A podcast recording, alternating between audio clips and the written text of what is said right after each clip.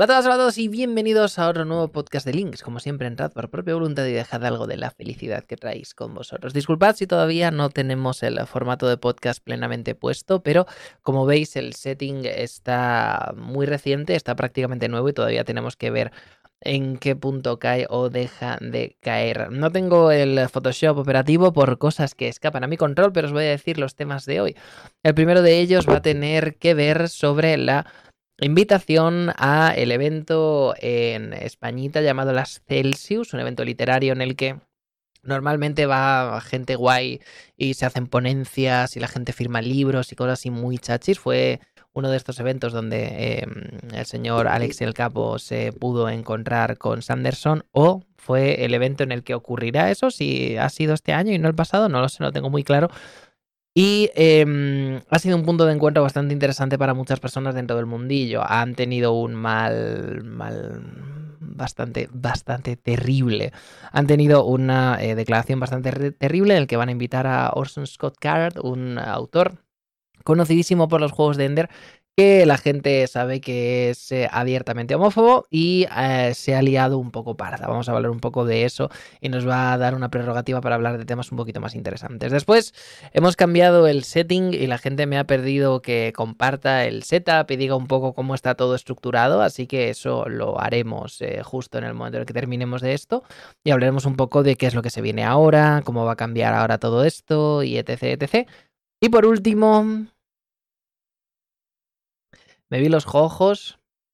No sé muy bien por qué, pero lo hice. La gente ha pedido una review. Y yo supongo que estoy aquí para dar. Así que esa review se hará. Porque así debe de hacerse. Pero bueno, como siempre, entrada. Por favor, no te deja algo de la queréis como solo. Vais a ver que tengo un, eh, un, un algo aquí un, termito. Dentro del termito hay eh, menta poleo, hay eh, limón y hay eh, miel. si veis que tengo la voz como más de hombre, no es que haya crecido después de todo este tiempo sin subir vídeos. La voz de, de, Pito ya se me va a quedar toda la vida, sino que estoy bastante, bastante malito. Así que por si acaso tengo aquí los bucofaringeos preparados y tengo aquí el, el remedio de la abuela si veo que me muero, me da la tos seca entre que empezamos y no, le daré cañita a esto y con algo de suerte podremos aguantar todo el tiempo que estos temas ameritan. Pero eh, aviso de que voy a estar como una hora y media en lugar de las dos horas que normalmente solemos tener porque necesito hoy que sea un poquito más corto. Dicho esto y sin más dilación, vamos a pasar a nuestra esta de juego para abordar el primer tema. El primer tema, que de hecho... Em, no sé por qué estoy aquí tan sumamente tal. Voy a bajarme. ¡Oh, no! Me he cortado la cabeza. A ver, vamos a darle un alt. Servirá. El primer tema tiene que ver... Se ven ahora mis, mis brazos por, por la parte de abajo. Qué bonito, qué precioso. ¿Qué sería de este... ¿Qué sería de esta sección si los problemillas técnicos me pregunto yo. El primer tema tiene que ver sobre el tema de las Celsius. He preparado por aquí una serie de diapos para que podamos ver. Las Celsius ya, pues he dicho un poco en la introducción, que es un evento, es como los típicos eventos de pinches o tacos, pero en lugar de gente haciendo cosplay y em, carteles de que regalan abrazos, hablan de libros. A veces son libros em, más juveniles, a veces son libros más adultos, a veces son libros menos adultos. Pero la historia está en que la gente ha empezado a generar, vamos a decir, primero, mucho interés en torno a lo que sería el festival que poco a poco se ha ido haciendo, em, no sé en qué entregas están ya, pero llevan muchísimos años. Y luego además el tema de charlas y ponentes se ha ido mejorando exponencialmente año tras año. Realmente llaman a gente del mundillo muy, muy, muy, muy pro. No ha sido un evento que haya podido conocer de primera mano, pero sí que tengo mutuals, ¿no? Como por ejemplo el Geek Furioso de Literatura, muchos de vosotros lo conocéis, estuve viviendo un tiempo en mi casa, hemos hecho algún que otro vídeo juntos, hicimos la primera serie de Dark Souls o Joel llevándome Sherpa en plan low out consumer y vamos a decir que fue bastante interesante el hecho de que me explicara un poco pues cómo había conocido a sus autores favoritos, cómo había conseguido pequeñas entrevistas y lo que había influido en él el hecho de haber estado cara a cara con sus héroes y lo importante que había sido para él el que el evento Celsius hubiese decidido el tener a bien atraer a esta gente. Además tenemos a pues eso, gente bastante pro, que normalmente vienen porque España es eh, un sitio bastante interesante en el que se come muy bien. El eh, clima en el norte, en Castilla y León, es bastante, bastante menos em, problemático que el que puede tener el sur, por ejemplo. Así que eh, muchos autores lo ven como un sitio para poder encontrar fans, pasárselo de puta madre y además comer muy bien. Así que vienen, han repetido y ha sido maravillosísimo. De repente me levanto y es no trending topic, o igual sí, pero todos mis, eh, todos, todo, toda mi tweetline está hablando de las Celsius. Es que las Celsius esto, es que me cago en la puta, es que tal, es que no sé qué, es que X, es que tal, es que no sé qué, es que caca. Bien. Sorpresa. Linces en Asturias, no en. Mejor me lo pones, cachopos para todos. Bien. Eh...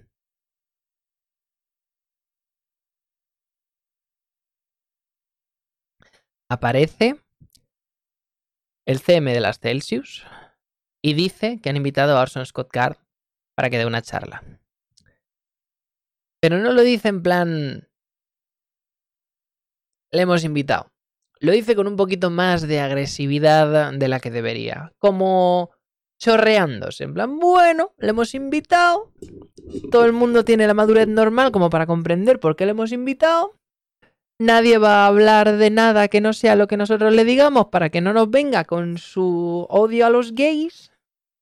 Y todo va a ir bien. La gente se cabrea. Estos señores empiezan a ver que están un poco contra las cuerdas y dicen, bueno, vamos a hacer un comunicado en el que vamos a explicar un poco todo esto. Y vemos aquí en arroba comunicado de las Celsius sobre la presencia de Orson Scott Card en el Celsius 2020 y un pantallazo de Facebook, que lo tengo yo aquí. A lo mejor vais a día de hoy a este y ha cambiado, porque hasta donde yo sé le han ido, lo han ido editando, pero yo capturé el original porque es más divertido directamente echar mierda del original. Si esperas a que vayan, a, que vayan rectificando a medida que empiezan a tenerle miedo a la gente que a lo mejor deja de ir, a la gente que empieza a quejarse y esta clase de historias, obviamente vas a encontrarte con algo que no expresa su idea original. Y aquí precisamente lo que queremos no es criticar al evento en sí. Yo, pues es un evento, haz lo que te salga de los huevos, sino eh, hablar un poco de este problema mediático que implica un evento como pueda ser este. Procedo a leer. Dice Celsius 232. Buenos días. Nos hemos pensado mucho si convenía o no hacer una declaración pública de por qué hemos invitado a Orson Scott Card. La duda viene del hecho de que es evidente dos puntos. Hemos invitado a Oscar porque sus libros nos gustan mucho y gustan a mucha gente, pero es obvio que algunos necesitan una explicación adicional. Finísimo, ¿eh? Algunos, algunos, no voy a decir quién, necesita, se ve que necesitan explicación adicional. Tanto no leeréis si la necesitáis. Bien. Entonces, vamos a intentar que la entendáis. Perfectísimo. En el Celsius invitamos a los autores por sus novelas. Esto es importante, no invitamos a autores LGBTI porque estén de moda, sino porque nos gusta lo que escriben. Invitamos a un número natural de mujeres por paridad. No invitamos a un número mm, no, invitamos a un número natural de mujeres por paridad, sino porque son autoras que nos gusta cómo escriben. De la misma manera, pese a las presiones, no hemos aceptado imposiciones para no invitar o retirar la invitación a un autor por sus opiniones políticas o por ser o no independentista o por ser o no de una religión concreta. El hecho de que sigamos un criterio estrictamente literario se aplica a todos. Si de repente los criterios literarios dejan de ser la norma, nuestros autores LGBTI y el número de autoras invitadas pasa a deberse a motivos extraliterarios. Eso conviene, sin duda, a los mediocres pero no a los autores que valoran su obra. Está bien, porque aquí está construyendo como una especie de argumento en el que dice, querréis que invitemos a gente guay, ¿no?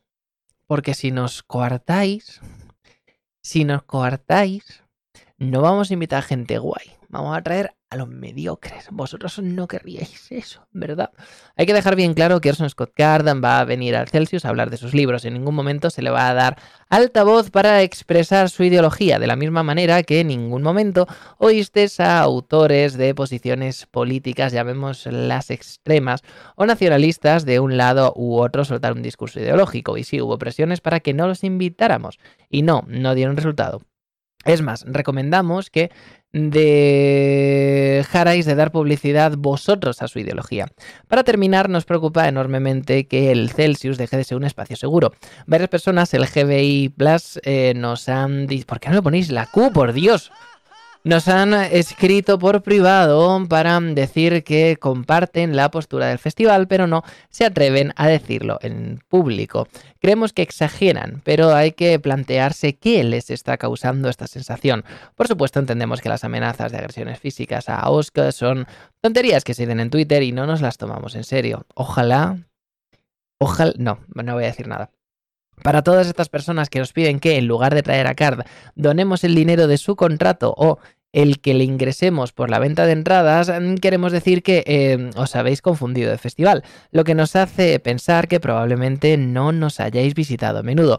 No pasa nada, pero vamos a dejar claro que en el Censius los organizadores no cobran, los invitados vienen gratis y los asistentes no pagan. Entendemos perfectamente que algunos no os sintáis cómodos con la presencia de un autor homófobo en el festival, pero por favor considerad que su ideología lo define a él. Nuestra postura a la hora de no censurar a autores por su ideología nos define a nosotros. Y sí, si pudiéramos traeríamos a JK Rowling sin dudarlo. Vamos a hacer un esfuerzo en los próximos días por responder a todas las preguntas que formulen con intención de aclarar algún punto. Esto deja fuera, por desgracia, pero también por motivos obvios, a las que empiecen con cómo explicáis la injustificable punto punto punto o incluyan la palabra nazi o fascista dirigida a alguno de nosotros XD. Ojo, cuidado, el Festival de Literatura Española. Son días complicados, así que por favor tened paciencia. Y si alguna pregunta queda sin respuesta, plantearos si eh, plantearos si requería respuesta. Por el mismo motivo, no vamos a mantener diálogo sobre este tema en Twitter, sino en Facebook, donde el medio permite matices y un debate más reposado, y no hay que andar quitando comas para que quepa todo en un tweet. Esperamos que la mayoría estéis ahí para mostrar vuestro apoyo al resto de autores. Si optáis por no venir en 2020, os echaremos de menos y esperamos veros en 2021. Bien, mucho que desgranar aquí. Mucho, mucho que desgranar, realmente. Em, lo primero que tendríamos que hablar sería de quién es el señor Orson Scott Card. Orson Scott Card, entre otras cosas, es el autor de los Juegos de Ender, una obra que probablemente ustedes conozcan por la adaptación a Hollywood que se hizo con el señor Han Solo y con el niño que sale en Sex Education en la serie de Netflix que lo está partiendo ahora muchísimo porque es súper mega inclusiva, no como este hijo de puta. La cosa es que este señor se escribió unos libros de puta madre llamados Los Juegos de Ender que han inspirado a muchísimas personas a eh, convertirse en eh, científicos, um, todo el mundo de joven. Es el Harry Potter de una generación, vamos a decir. El puto Harry Potter de una generación. Pero el problema está en que muchas personas eh, se ponían a leer antes de la era de Internet los libros de Orson Scott Card y obviamente pues no tenían más eh, opciones para buscar un poco de dónde venía este señor, hacia dónde quería ir, qué era su, vamos a decir, objetivo principal con estos libros. E incluso muchas personas pensaron al contrario, pensaron que este señor estaba muy en la... a la contra, porque en sus libros se expresa la fe de una forma muchas veces nociva y se utiliza em, la fe como plataforma para eh, poner a em, estados corruptos y unos personajes bastante terribles. Este señor ha sido misionero, ha estado en, Brasil y por zonas de Latinoamérica y digamos que se ha enfrentado a eso y como dice el bueno de Stephen King, escribe sobre lo que conoces. Este señor ha visto esa otra cara y muchas veces la ha utilizado precisamente para esto. Pero ¿cuál es el problema? Este señor normalmente es muy abierto, muy, muy, muy, muy, muy, muy abierto a hablar sobre malditos gays, cómo osan versarse las bocas y darse por culo. O sea, es antinatural, es horripilante, no debería de ser legal. Ojalá vuelvan a prohibir. O sea, rollo así, rollo bastante, bastante la mierda, vamos a decir. Este señor tiene unas eh, ideologías eh, religiosas que obviamente están influenciando muchísimo este discurso. No nace de un deseo nacionalista, así que eh, lo del nazi y el fascismo... Mm, creo yo que se puede ser creyente de mucha mierda sin necesidad de ser fascista, pero aún con todo, pues ahí estamos.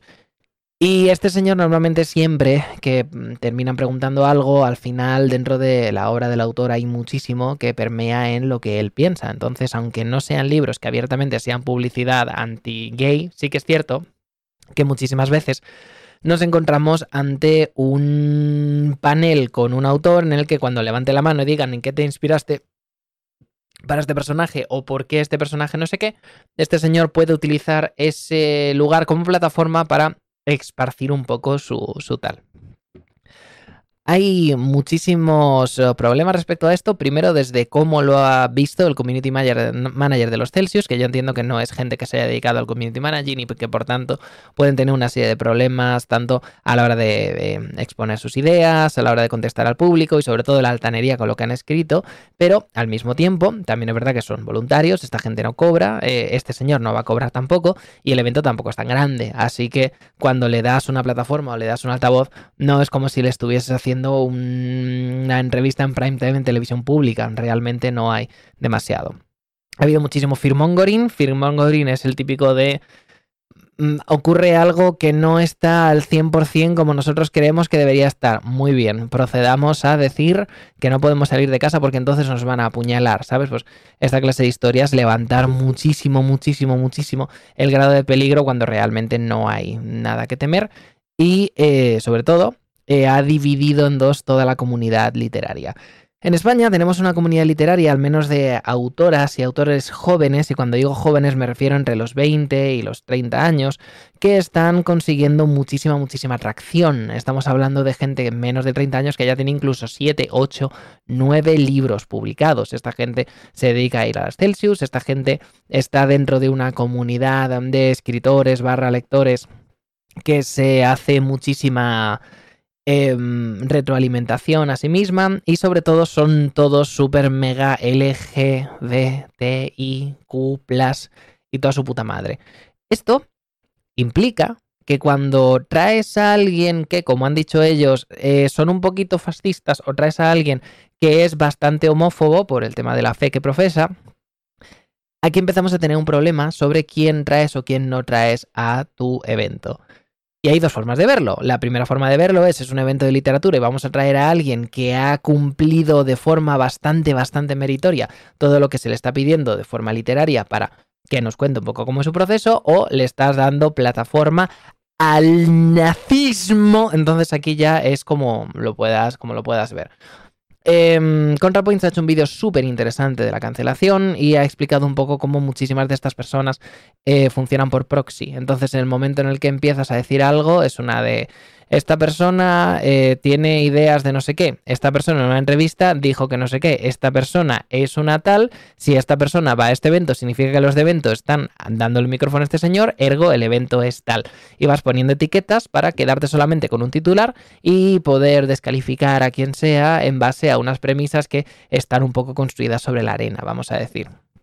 Esto implica que los señores de la Celsius, con eh, la poca picardía y toda la altanería que han utilizado para defender la elección de este personaje para que venga a dar una charla, y sobre todo la cantidad de público que arrastran todos estos autores y autoras que están dentro de estas comunidades, ha implicado que, primero, no se pueda seguir entendiendo este evento como un espacio seguro, al menos para ellos, que nunca se ha dicho que sea un espacio seguro, pero debido a la cantidad ingente de asistentes y de toda la comunidad que se ha formado en torno a estos autores y autoras, ha hecho que, pues, se forme de forma natural una comunidad segura, un espacio seguro dentro de esto. El espacio seguro en los eventos implica un lugar en el que sabes que está rodeado o bien de gente que piensa prácticamente igual que tú o bien solamente de mujeres, por ejemplo. En el evento Gaming Ladies, del que hablamos ya en otro podcast, se estaba buscando precisamente el hacer networking con personas, eh, con chicas que se dedicasen, chicas y mujeres que se dedicasen a trabajar dentro de la industria y tener un espacio seguro en el que no hubiese hombres em, pululando, intentando pues eh, eso, eh, coartar a lo que sea, porque hay mm, algún que otro gamer se ha sabido que son un poco conchas de su madre, pero solo algunos, solo algunos. Esto de que mm, si eres gamer pegas a una mujer es solamente cierto en 7 de cada 8 casos, ¿no? O sea, es un poco. A, lo mejor hay alguno que se salva. No todo el men, ¿eh? No todo el men, a ver qué va a pasar. Pero bueno. Entonces, este espacio seguro se ha visto dilapidado completamente al este señor aparecer. Primero porque se le va a dar portavoz a sus libros y segundo porque según ellos y ellas esto va a implicar que eh, los nazis ahora van a venir a mm, adorar al señor Orson Scott Card, que se ve que es su líder, y en el momento en el que lo hagan van a pegar a todo el mundo. Entonces van a ir y pues van a ver a la gente LGBTI siendo LGTI, van a decir mmm, maricones y van a sacar porras y les van a dar hasta en el carnet de identidad. Eso es un poco una parodia, una caricatura de un poco el pensamiento que tiene esta gente. Cosa nada más alejada de la realidad. Recordamos también cuando a Babra, el autor que se llevó el premio de mejor indie CRPG completamente revolucionario, con menos de un millón de dólares, se hizo un juego que le, pasó por la derecha de Witcher en más jugados en el momento que tiene. me, hace mucha gracia porque estaba en plan. Este juego machista eh, eh, es horrible y no se. No se. Eh, no se. Em, se adapta a las normas históricas. Y Babra se defendió en plan, hemos trabajado con profesionales y se adapta a las normas históricas. Profesionales que seguro que has cogido tu a dedo y que son de la misma ideología que tú, es decir, nazis. Eh, no, estamos hablando de gente que tiene un doctorado. Machistas igual que tú, mm, son dos mujeres, ¿sabes? O sea, el, una y otra y otra y otra, una línea de tweets maravillosa que en el momento en el que tal luego se borran los tweets de arriba no vaya a ser, pues algo de ese rollo. Entonces mm, era, era, muy bonito ver cómo este juego que todo el mundo había cubrido de gloria, de repente el creador, el, señor a la cabeza del proyecto, no podía venir a contarnos un poco cómo lo había hecho porque no queríamos darle una plataforma al nazismo. Este señor no era nazi, pero sí que es verdad que una vez se hizo una foto con eh, una camiseta Gamergate y estaba bastante tenso de que en su juego eh, todo el mundo en Estados Unidos le dijese que no podía hacer ese juego sin demasiadas POC o People of Color, porque tenía que haber más POC o People of Color.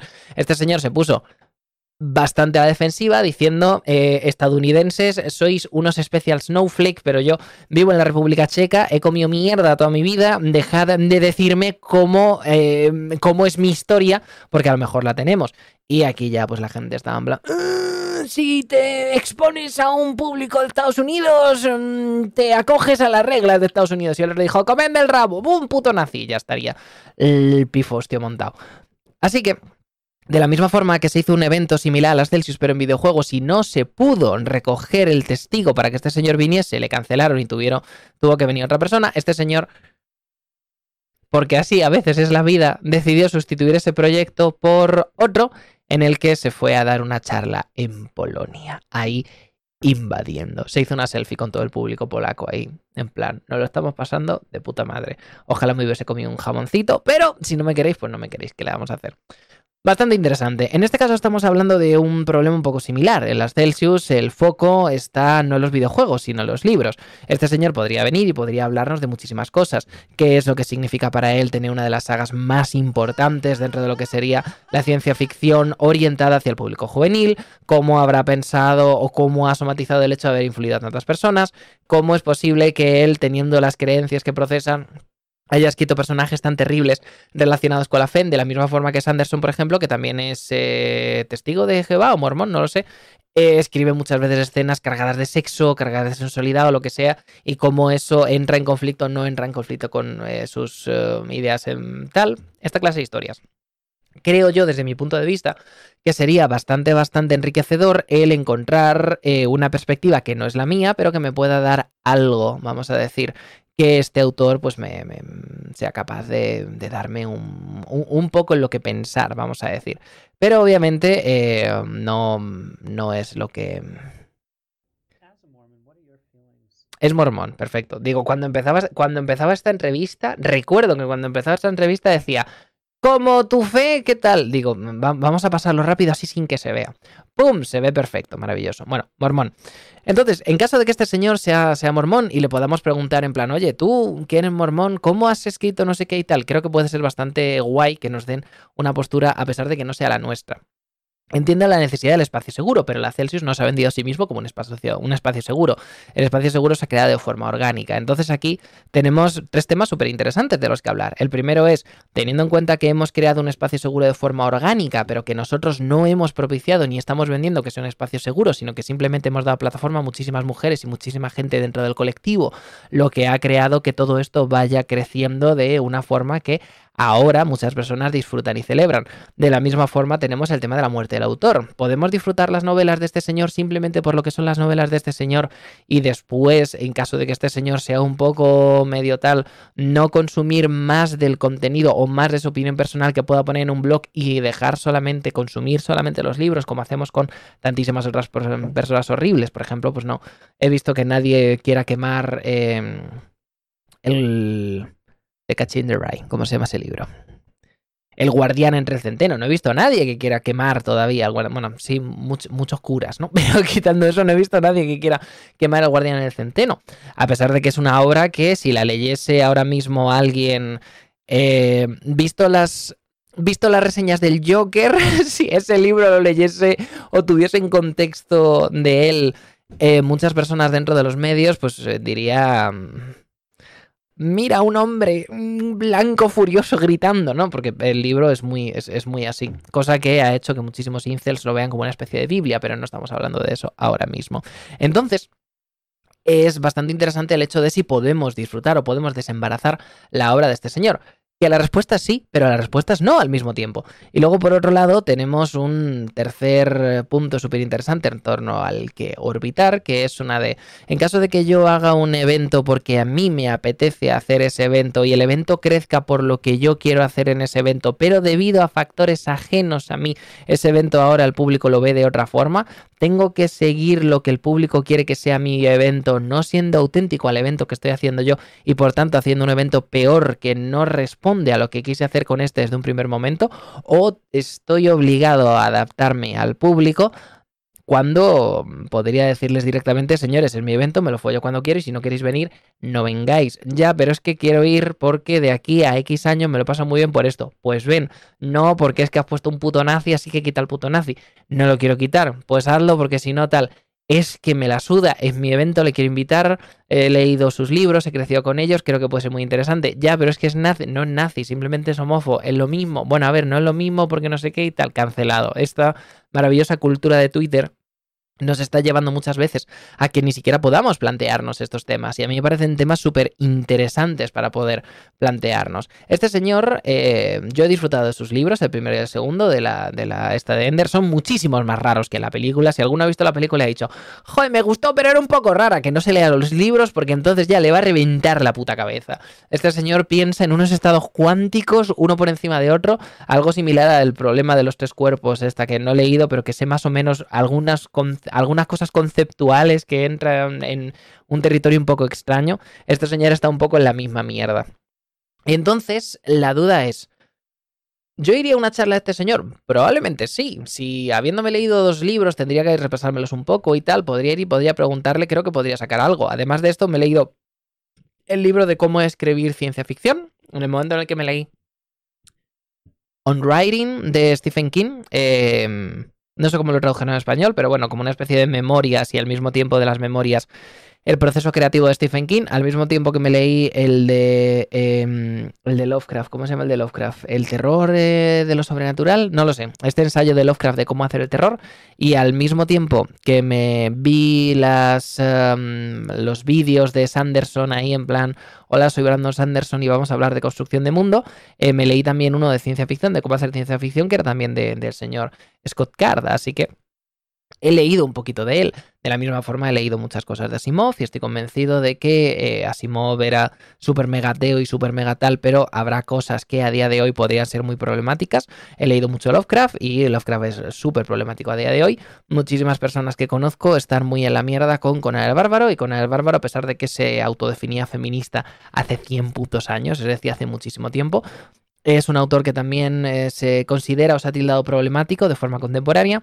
Y además de todo esto, pues tenemos un poco todo el bagaje de que cada vez que si yo tuviese que decir Lovecraft es mi autor favorito, parece como que de estos de un tiempo a esta parte tengo que decir Lovecraft es mi favorito, pero no odio a los judíos ni a los negros, ¿sabes? O sea, es como empieza a, mm, hacerse un paradigma del tema de los autores, el tema de lo que escriben y cómo ha podido permear o no ha podido permear.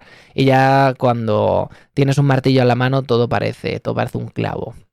Entonces a lo mejor te puede gustar Tolkien, pero como Tolkien pensó en los orcos como tal, ya tienes que decir un pero. Puedes ver Lovecraft, pero como Lovecraft veía las sociedades como tal, tienes que poner un pero. A lo mejor te puede gustar Scott Carr, pero como Scott Carr no sé qué, tienes que poner un pero. Y al final no puedes disfrutar de una obra por lo que es. Y tienes que ir más allá, ver el autor y tratar de justificar los pensamientos del autor permeen más o menos en su obra. Esto es anti-muerte del autor. La muerte del autor es lo típico de que yo puedo leerme un libro de la segunda parte de los héroes, la segunda parte de el juego de Ender y no por ello significa que vaya a odiar a los gays para siempre. Esta clase de historias muchas veces no se van a poder disfrutar igual de bien o no lo vas a poder decir en público sin, sin, este problema porque hemos aprendido a verlo con, por ejemplo, directores de cine.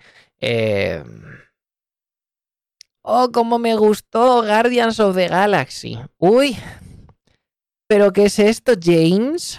¿No tendrás por aquí unos tweets mm, de hace 10 años en los que estás haciendo unos chistes negros súper mega horribles ahora que estás trabajando para el ratón?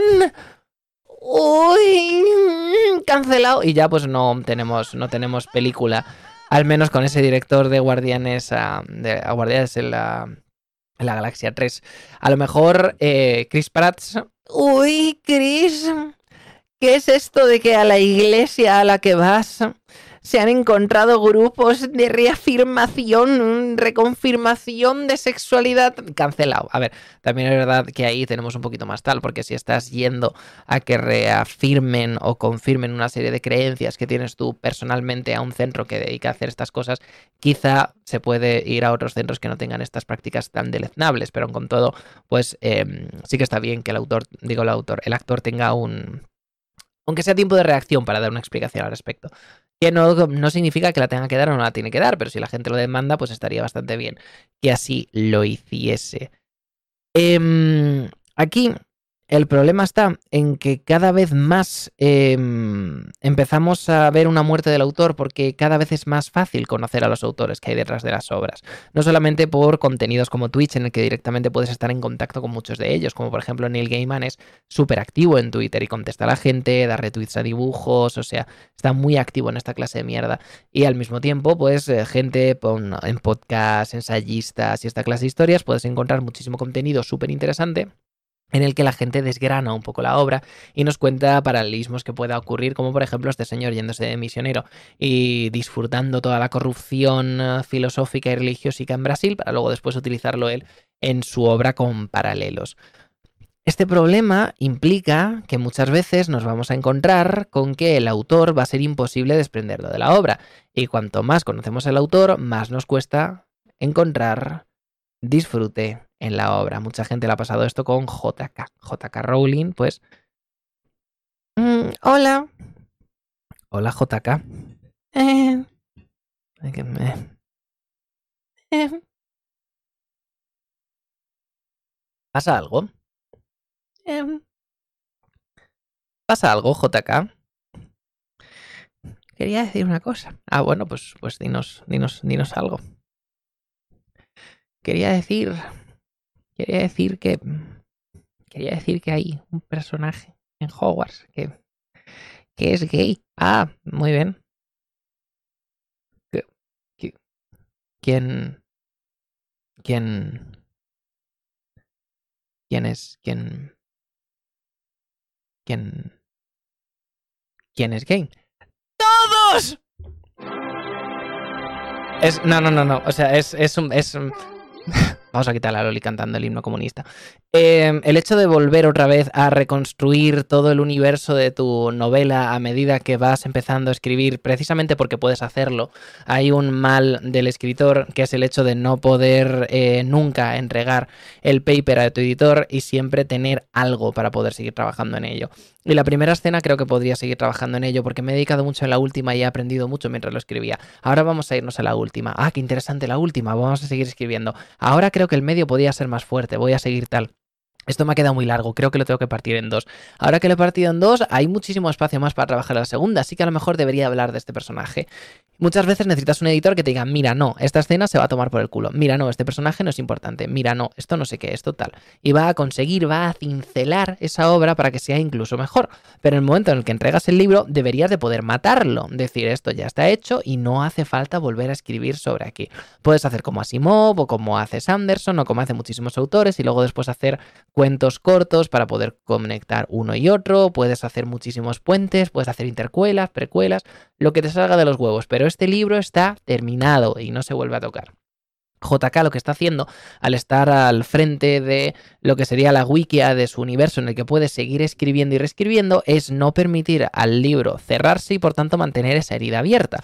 Y al mantener esa herida abierta, pues nos empezamos a enterar de que todo el mundo es gay y es como ya muchísimo, muchísimo más complicado seguir con, seguir con la dinámica de un libro que no digo que no te pueda enseñar esos valores de aceptación y de encontrarte con tal. De hecho, Harry Potter tiene muchísimas, muchísimas, muchísimas obras y muchísimos momentos en los que... Eh, se habla de todos estos temas de forma mm, en subtexto, porque no dejan de ser libros para niños y no puedes decir esta serie de cosas, pero se tiene un, un subtexto clarísimo que cuando lo relees como un adulto te das cuenta de que eso ha podido ayudarte cuando eres niño a ponerte empáticamente en la situación de otras personas. Cosa que no sería tan efectiva si estuviese tan on the nose. De la misma forma que JK nos intenta hablar de estas cosas que a ella le preocupan y poco a poco somos capaces de pillar los pequeños matices, Orson Scott Card podría hacer exactamente lo mismo con la suya. Y yo creo que el mantener un debate abierto y preguntarle a este señor desde su perspectiva, desde su punto de vista, por qué esto es tal, estaría, estaría bien porque él podría dar una opinión, yo podría dar otra y no debería de poder pasar nada. Durante principios del siglo XX empezaron a hablarse, vosotros seguramente habéis, hablado, habéis oído hablar de los neomarxistas, de, de, de, de, de, mm, em, mm, ah, ¿cómo se llama? De Adorno, de muchísimas personas, muchísimos filósofos que hablan sobre los medios de comunicación y cómo nos influyen a nosotros como masa. Y hay como dos formas de verlo, ¿no? Una americana basada en la psicología, súper capitalista, y lo de los rojos, lo de los eh, neomarxistas que luego pues están ahí, la academia, la eh, Frankfurt y tal, están ahí como intentando, la escuela de Frankfurt están intentando mogollón eh, hablar sobre esta serie de temas. Y es súper interesante al principio como todos los oh, funcionalistas, todos los americanos, los estadounidenses, pensaban mucho en esta clase de temas, esta clase de información, con lo que ellos llamaban la teoría de la aguja hipodérmica. La teoría de la aguja hipodérmica significa que si tú estabas expuesto a información, esa información penetraba dentro de ti y no podías hacer nada para evitarlo.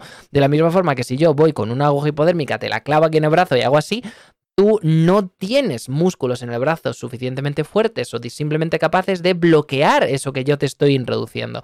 Así que tenían muchísimo miedo de la propaganda, tenían muchísimo miedo de los enemigos y tenían muchísimo miedo de esta guerra mediática.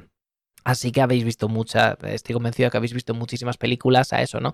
Cayendo flyers de propaganda enemiga y todo el mundo, no los miréis, no los cojáis, no los tal, porque realmente había un miedo de que si te exponías a propaganda comunista, ibas a ser comunista en dos días. No tanto basándote en un aspecto de que la gente fuese más o menos iletrada y tuviese más o menos facilidad para cambiar de idea en función a lo que les prometiesen con eh, tendencias populistas, tanto de un lado como de otro, sino porque no había defensas para evitar que la información permease. A día de hoy sabemos que eso es una puta mierda. Y como sabemos que eso no funciona, cualquiera podría decir que podemos perfectamente exponernos a ideas que no sean las nuestras y no por ello vamos a tener que tener que convertirnos en una ideología específica.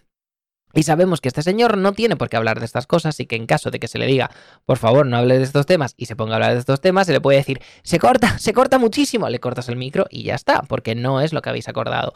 En un principio todo eso está bien. Pero aquí llegan las dos sensibilidades extras. La primera es la de a quién le estás dando el altavoz y la segunda es el tema del espacio seguro. Si le estás dando altavoz a alguien que es X significa que tú como evento te estás posicionando en que X, con su ideología Y, es capaz de hablar en evento Z, lo que significa por proxy que Z es A. Y bueno, es A no, X. Entonces está, está bastante feo decir eso.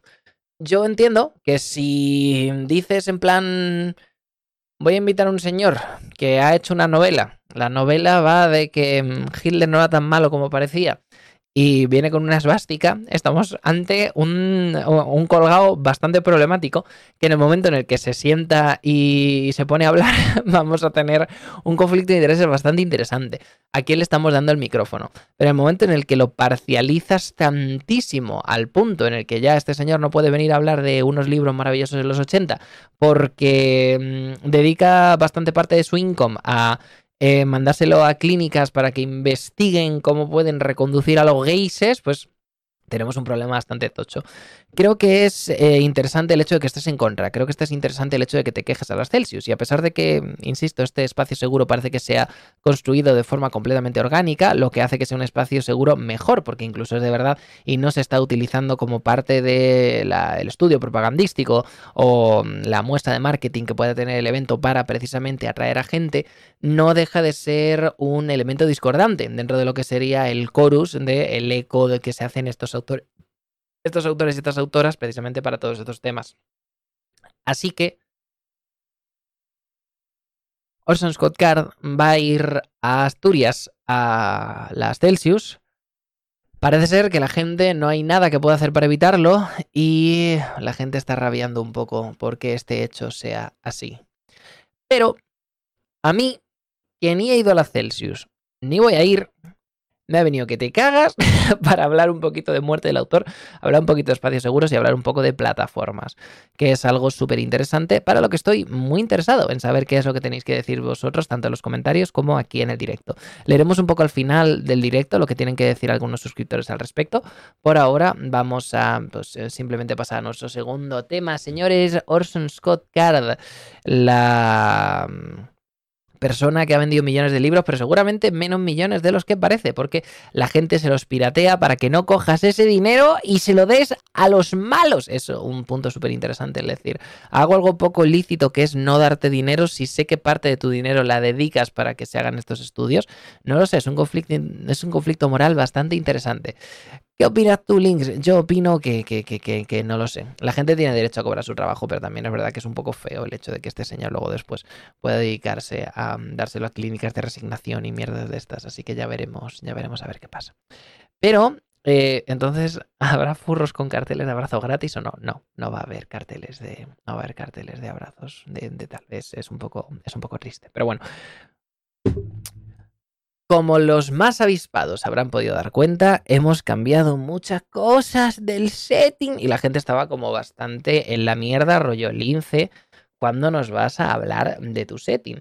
Podemos hablar del setting, eh, no quería hacer un vídeo, simplemente que fuese mi nuevo setting 2020, porque en este canal se viene a hablar de videojuegos, entre otras cosas, mm, de videojuegos, narrativa, libros, película, adaptaciones, muchísimas cosas, pero normalmente esta clase de historias. Así que he dicho, voy a darle un pequeño, pequeño, pequeñísimo sección, una sección en el canal y ahí ya podemos empezar a hacer cosas. Bien, en algún momento vais a ver que me estoy girando hacia esta pantalla y en algún momento me estoy girando y os estoy hablando a vosotros. Y esto es por una razón y solamente una razón, que es que aquí es donde tengo el ordenador, ahí es donde tengo la cámara y aquí es donde estamos hablando de nuestras mierdas, aquí es donde tengo el segundo ordenador que utilizo otras cosas para jugar. Y aquí es donde tengo la mesa de mezclas, lo que significa que desde el mismo escritorio puedo ir variando hacia un sitio y hacia otro. ¿Qué es lo que ha cambiado? Bien, antes teníamos un micro que iba por USB, teníamos un solo ordenador para hacer stream y además de esto utilizábamos una cam que era una Logitech 930, un setup interesante, ¿no? La Logitech 920 y el Blue Yeti son un poco la, la, la, la, la base de todo, de todo youtuber, todo streamer wannabe Y cuando compré el Yeti Pro y compré la Logitech Brio, era como, oh my god, este señor está echando dinero para que esto se vea mejor. No se ve demasiado mejor la Brio, pero bueno, ahí estamos. Pero poco a poco yo tenía como una especie de promesa a mí mismo de que me cuesta muchísimo gastar dinero. Me gusta ver el dinero en el banco, me gusta ver cómo va creciendo mes a mes y soy una persona de la cofradía del puño cerrado, ¿sabes? O sea que no, no, no, no, no le gusta gastar los dineros, así que pues eh, a pesar de que cuando comencé a vivir en esta casa ingresaba menos de lo que tenía que pagar entre alquiler, facturas y este rollo, eh, me vine aquí con la promesa de que las cosas me mejorarían y a Dios pongo por testigo que nunca jamás volveré a vivir en un cuarto con biombo. Em, afortunadamente mm, funcionó. Em, por el apoyo de YouTube, por el apoyo de Twitch, de estas maravillosas personas que están por aquí, la gente que se suscribe los espectadores, toda esta clase de cosas. Os quiero.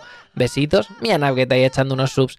Me cago en todo. Muchas gracias, Navget. De tanto en tanto bien este señor. Es una cosa, se tira unos dineros, abre la carretera y es un fluir. No os hacéis una puñetera idea. Este señor, mm, muchas veces me pregunto, muchas veces me pregunto qué le habré hecho al pobre. ¿Qué le habré hecho para tenerle así? Pero bueno, muchísimas gracias. Un abrazo desde aquí. Al final, em, en el momento en el que em, comencé, vamos a decir, a ver más dinero, en el sentido de que llegaba más, llegaba, llegaba más fluir de, cosas económicas que se guardaban en el banco, me prometí a mí mismo que todos los años iba a invertir dinero en el stream, porque si no era muy fácil apalancarse, era muy fácil estar aquí en plan... ¿qué más da si funciona? Ya compraré algo cuando se rompa y no iba a conseguir dar una experiencia adecuada al resto de individuos, al resto de personillas que están aquí todas las noches, todas las putas noches, porque no sé si lo sabéis, gente de YouTube, pero hago directo todos los días a las 9, 9 y media hora española, 4 horas. Eso es mucho lince reseñas al mes, ¿eh? Muchísimo. Eso son 4 horas al día, 7 días a la semana, en mucho tiempo, en mucho tiempo. Entonces, el hecho de poder tener una serie de herramientas que pueden hacer que este sistema, esta, esta, esta comunidad, vamos a decir, pueda consumir el contenido en la forma más cómoda y de la forma más chula posible sin dejarme mm, decenas de miles de euros, pues está bastante bien. Veía que tenía dinero en el banco, veía que podía invertir, pero no quería invertir porque soy un huevos, así que como soy tan huevos, me prometí a mí mismo que todos los años iba a invertir dinero en que esto fuese a mejor. Y el año pasado no invertí dinero porque soy un huevos y no quise hacerlo. Así que este año dije, mira, ¿sabes qué te digo? Que se acabó. Vamos a comprar todo lo que falta y si tengo que invertir cifras, si tengo que invertir mucho para da igual, se invierte, es tu puto trabajo. Si alguien que va a trabajar todos los días a una hora y media de su casa se le rompiese el coche o el coche estuviese a punto de romperse, esa persona se compraría un coche nuevo. En tu caso no te vas a comprar un coche, te vas a comprar algo que vale igual que un coche, pero necesitas que esté en buenas condiciones. Así que vamos allá. Así que cambié completamente el setup. Lo primero, vais a ver que la cámara se ve muchísimo, muchísimo mejor. De hecho, si alguno dice, joder, Link, se te ve casi como si fuese un vídeo, es porque estoy utilizando la misma cámara que utilizo para grabar mis vídeos. Esta cámara me va a ayudar en muchísimas cosas, pero el qué significa este cambio de setup de aquí al futuro es algo de lo que hablaremos cuando termine esta parte. Em, es una Sony Alpha 6300, vale muchos dineros y tiene un e4 barra 10 en 18 os. Os lo pongo fácil. Busquéis la montura E y el único gran angular que hay que no es full frame. Eh, no me voy a poner a, explicar cómo funcionan las cámaras, pero vamos a decir que la cámara puede ser así o la cámara puede ser así. Y si la cámara es así, no es full frame. Y si la cámara sí es full frame. Full frame, todo el plano, todo el frame, todo el tal. Esta cámara es chiquitita. Entonces, como si lo quieres full frame, todo se va a más de 2.000 euros. Si lo quieres no full frame, todo está entre los 500 y los 1.000. Así que directamente enganchamos esto. Tenemos muchísimas ventajas a la hora de utilizar un gran angular. El primero es que podemos hacer esto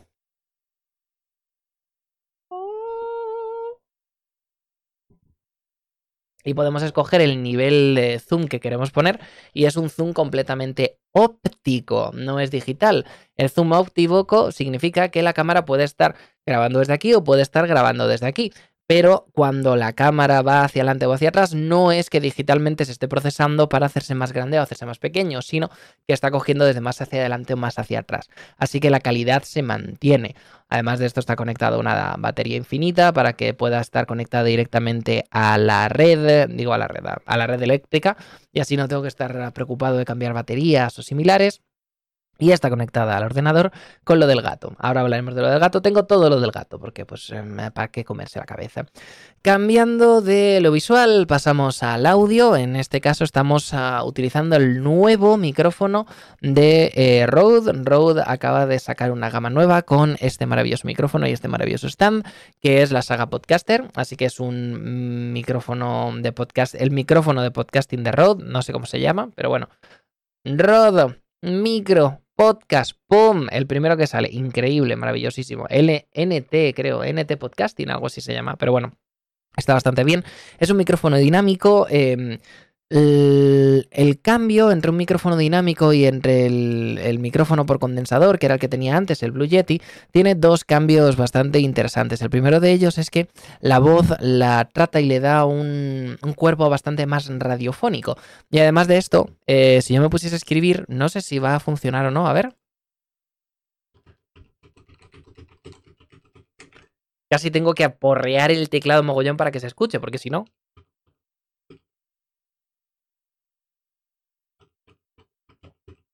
doy 50 strikes y escucháis la mitad. ¿Veis como que se entrecortan?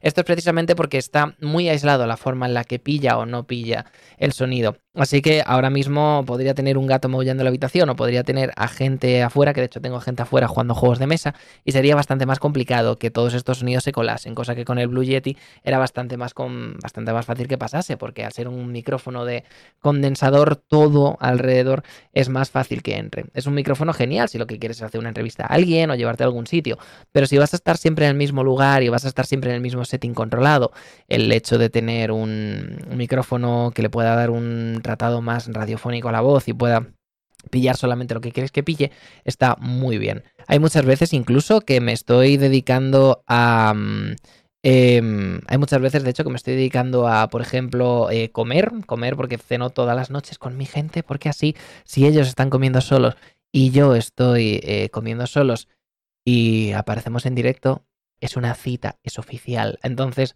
todas las noches tengo citas con bastantes personas y mm, está bien porque puedo mascar en plan. Y no se, no, no se escucha al otro lado porque está por una frecuencia más baja que la anterior. El problema de este micrófono es que al ser dinámico no puede ser tan fácil como el USB, en el que lo conectas al ordenador, eh, conectas el cable al Yeti y ya estaría, ya está servido para lo que sea.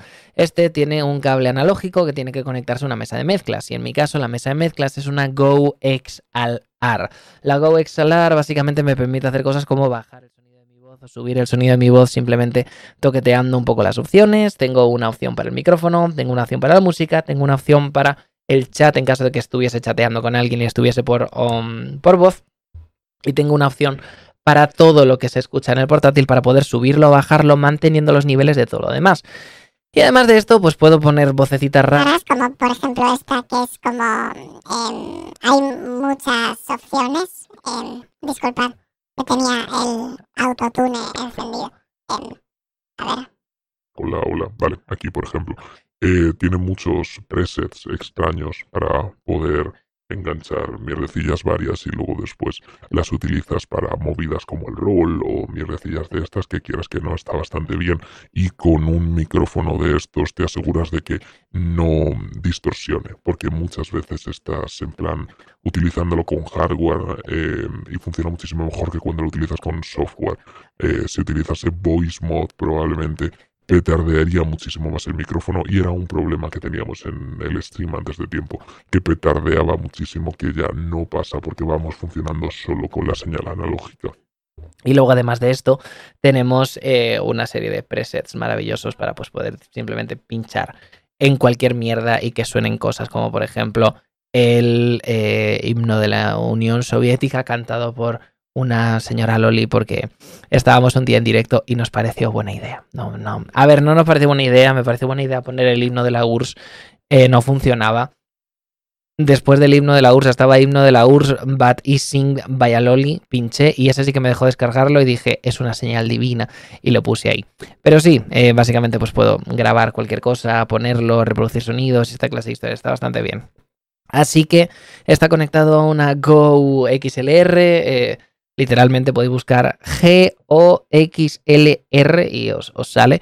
No es barata, pero es bastante, bastante interesante y me gusta. Es una de las ediciones más chulas que le he dado al Steam. Tengo un Stream Deck, que es este maravilloso panel en el que puedo desde poner anuncios, darle a los patrocinadores para que aparezcan en el chat, o sea, puedo darle a botones para que hagan cosas, eh, forma parte del gato, pero ya llegaremos a la parte del gato.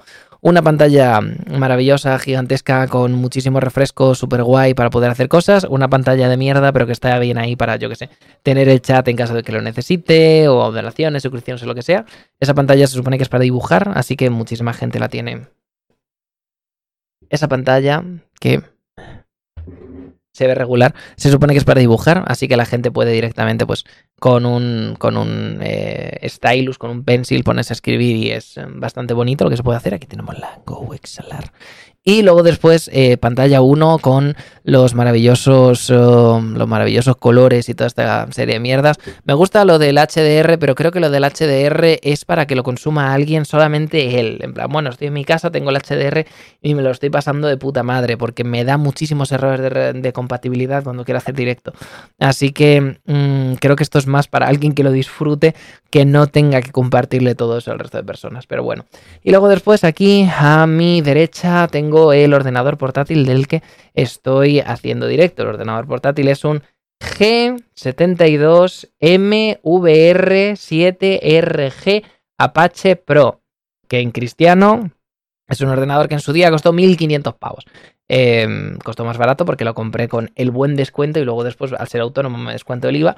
Pero sí, bueno, tiene un i7 de séptima generación, tiene la GTX 1070 y eh, tiene una pantalla que tiene un refresco de 120 Hz, así que está preparado para la VR, está preparado para el gaming y esta clase de historias.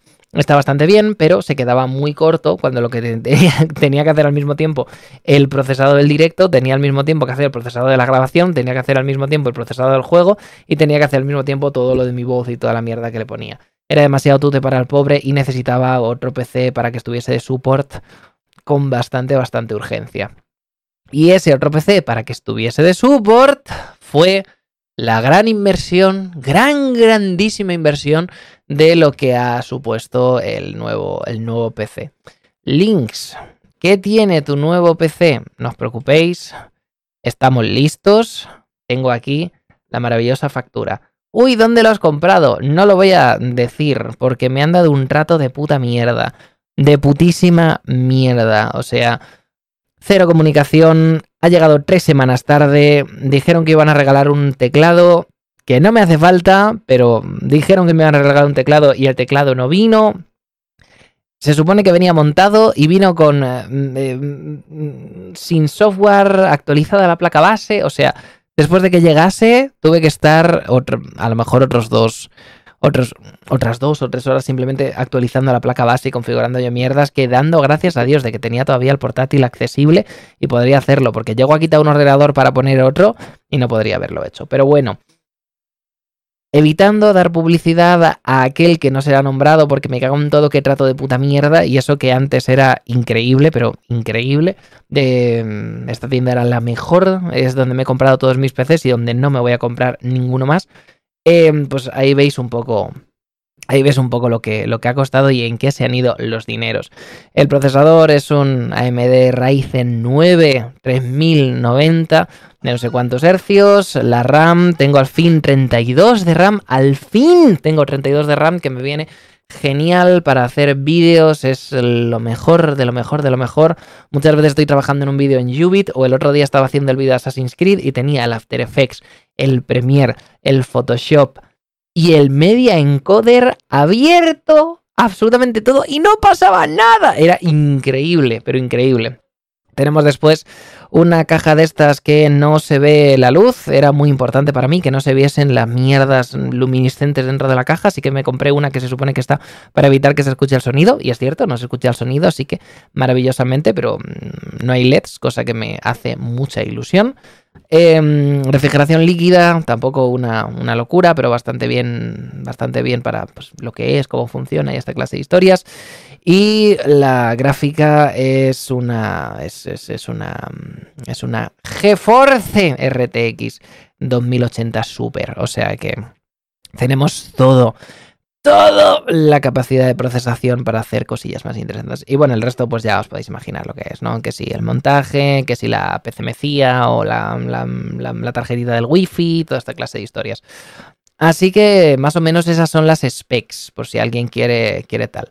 El subtotal han sido, um, y ahí tenéis la pantalla, Acer Nitro VG27 0UP 27 pulgadas LED IPS WQHD FreeSync 144 Hz. Yo me quiero morir. Pero bueno, aquí vemos el subtotal. Ese IVA, afortunadamente me lo desgrabo y dando gracias a Jesucristo bendito, porque si no me pego un tiro en los huevazos. Y también es verdad que el subtotal se supone que iban a ser también 200 euros menos, pero mmm, no me dejaron hacerlo. Se acabó el Black Friday y después del Black Friday hubo que volver otra vez a bajar.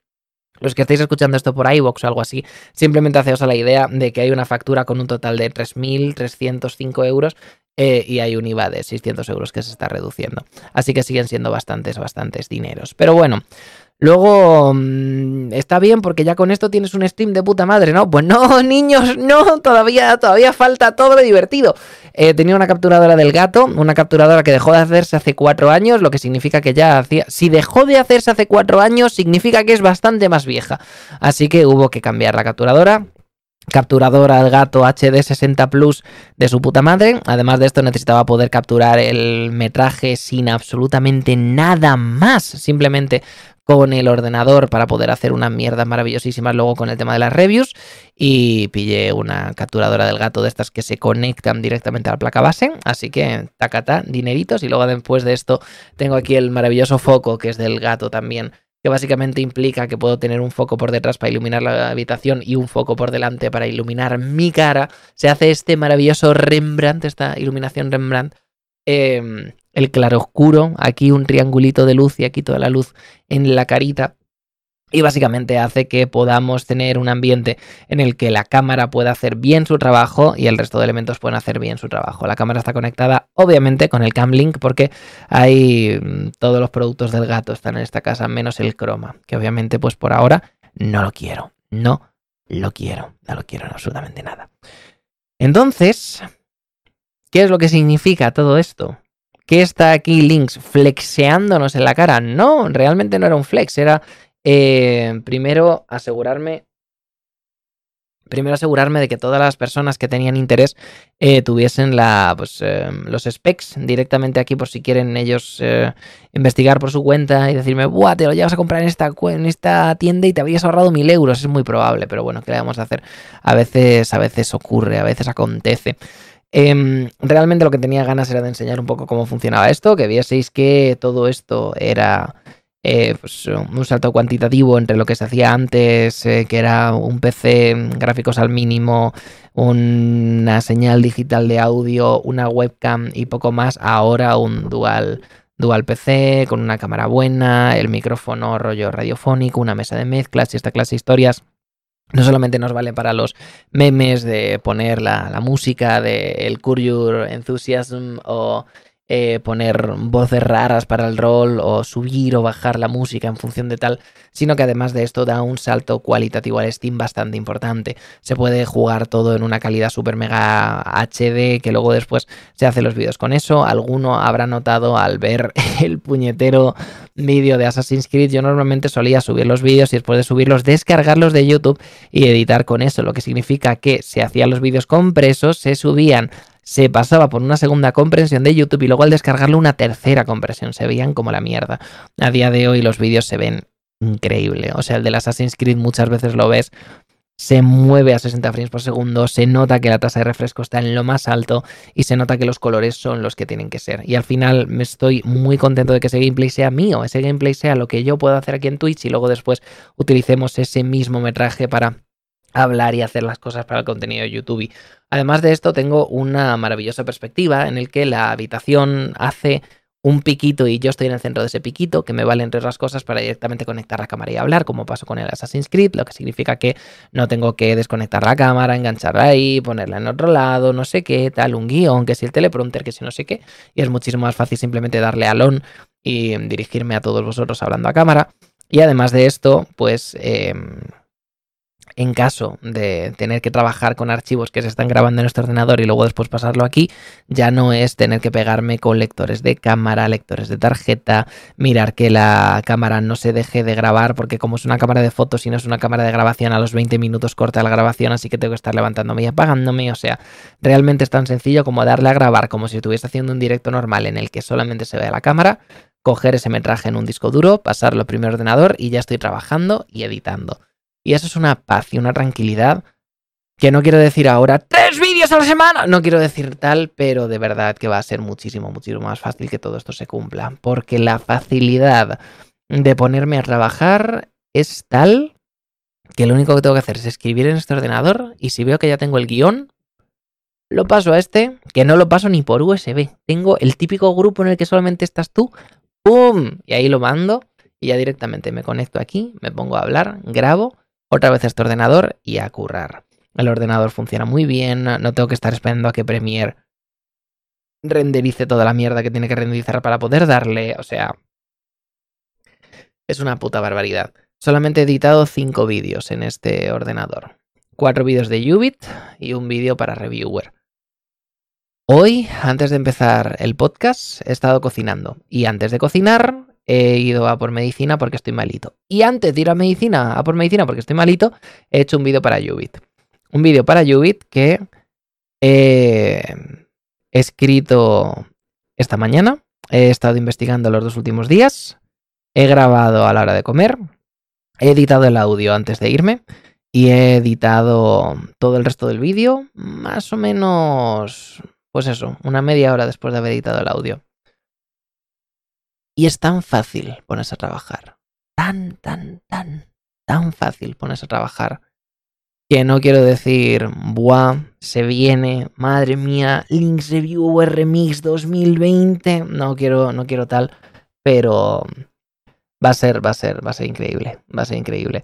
Y simplemente quería decir que, joder, o sea, todo esto se puede hacer precisamente porque vosotros estáis ahí la gente que está consumiendo en, YouTube y ve los anuncios del canal, la gente que lo está consumiendo con YouTube Red y con una buena retención le da un porcentaje de sus ganancias a eh, el tema de los podcasts, esta clase de historias, la gente que está aquí con anuncios como este, ¡pum! todos los días, todas las noches, dando dando apoyo por Twitch, la gente que se suscribe, muchísima, muchísima gente suscrita. Al final, todo esto va construyendo poco a poco, poco a poco, poco a poco, un castillo a base de naipes que, aunque ya se sabe que la vida del streamer y la vida del youtuber es muy volátil, lo mismo ahora estás en la cima del mundo y de aquí a un año, dos años ha cambiado el algoritmo y al cambiar el algoritmo o te adaptas o mueres o mm, la vida del, del también es muy corta, entre 5 y 10 años dicen que dura eh, yo llevo ya mm, tres años haciendo stream, un poco más de tres años. Tengo gente que se lleva suscribiendo 38 meses, son la gente que más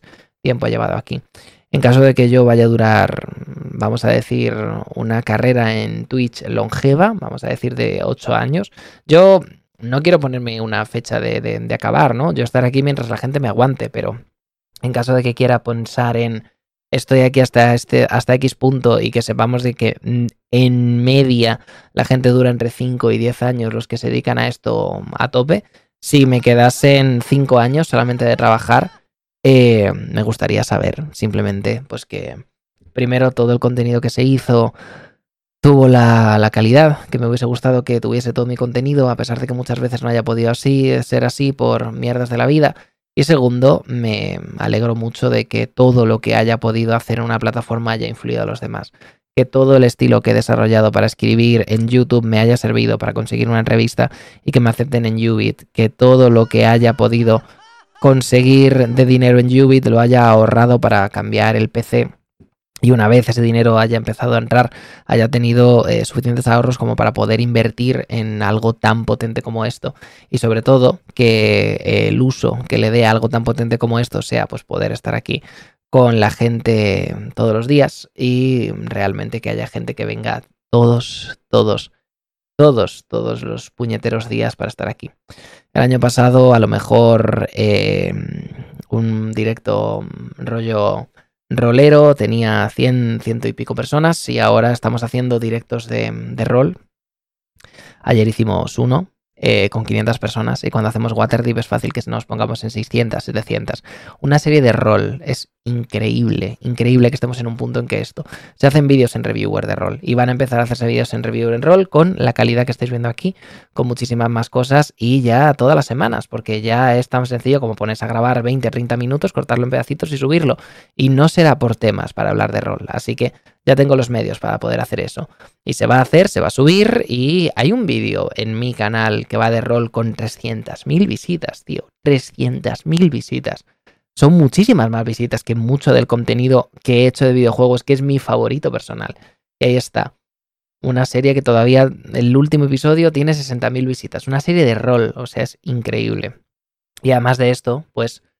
Eh, Siempre, siempre que empiezo directo, normalmente juego tres horas, tres horas a lo que sea. Hemos hecho Dark Souls, hemos hecho Kingdom Hearts, ahora estamos con Assassin's Creed, en algún momento llegará The Witcher, o sea, hacemos muchísimas mierdas de estas. Normalmente siempre juego tres horas, pero hago cuatro horas de directo al día. Y esa primera hora es gramola de fondo, charla, calma, pregunta lo que quieras. Si quieres poner algo en el chat, ponlo. Si quieres poner una canción, la gramola la controla el público, ponlo. Y simplemente estamos tranquilos, hablando, cenando. Todas, todas las noches, cenando, una hora de comer, una hora de cenar, una hora de estar hablando con la comunidad. Y es normal que tengamos, a, yo que sé, 500 personas. Es que es, es, es una es una, una, cantidad de gente tan increíble comparándolo con hace dos años, tres años cuando empecé, que es algo que todavía me cuesta, que todavía me cuesta, me cuesta, me cuesta, pues, centrar, vamos a decir. Entonces, eh, ahora, entre la facilidad que me ponen todas estas herramientas, entre pues, el, el, maravilloso Bullet Journal, del que ya hablamos la última vez, que me está sirviendo muchísimo para eh, mantener mi tiempo, entre una serie de herramientas para cronometrar en el que puedo saber el tiempo que le estoy dedicando a cada actividad para hacerme una lista de tareas, que tenga ahí el tiempo que le quiero dedicar a cada una y me diga, si quieres hacer todo esto y vas a tardar esto, significa que hoy tienes que trabajar 17 horas y yo, hostia, a lo mejor no me va a dar tiempo a hacer todo y empezar a priorizar, a priorizar tareas, que es algo que me está cambiando la vida, el hecho de no solamente hacer una lista de cosas de hacer, sino una lista de cosas de hacer y el tiempo estimado que me va a hacer para saber el tiempo que tengo para hacer esta clase de historias. Poco a poco estoy entrando en un ciclo de productividad en el que tenemos un podcast que voy a resubir mañana, lo que significa que esta semana ha habido dos vídeos. Hay un vídeo de rol que he terminado de escribir hoy y voy a grabar mañana, lo que significa que el lunes o el martes estará subido. Y además de esto, estamos ya preparándonos para el análisis de Pokémon y de Kingdom Hearts con los DLCs maravillosos que se va a hacer la semana que viene también. Eh, llevar dos vídeos a la semana en reviewer es algo que escapa a mis más a mis fantasías más húmedas. El hecho de que además de esto esté combinando los vídeos de Ubit que ahí sí que subo sí o también una vez a la semana porque lo tengo que subir por contrato Implica que estoy subiendo tres vídeos a la semana, tres vídeos rollo ensayo a la semana y además de esto todos los días cuatro horas en Twitch. Es increíble la cantidad de tiempo que tengo una vez me he sentado, una vez me he organizado y una vez he tenido las herramientas para poder sentarme y trabajar.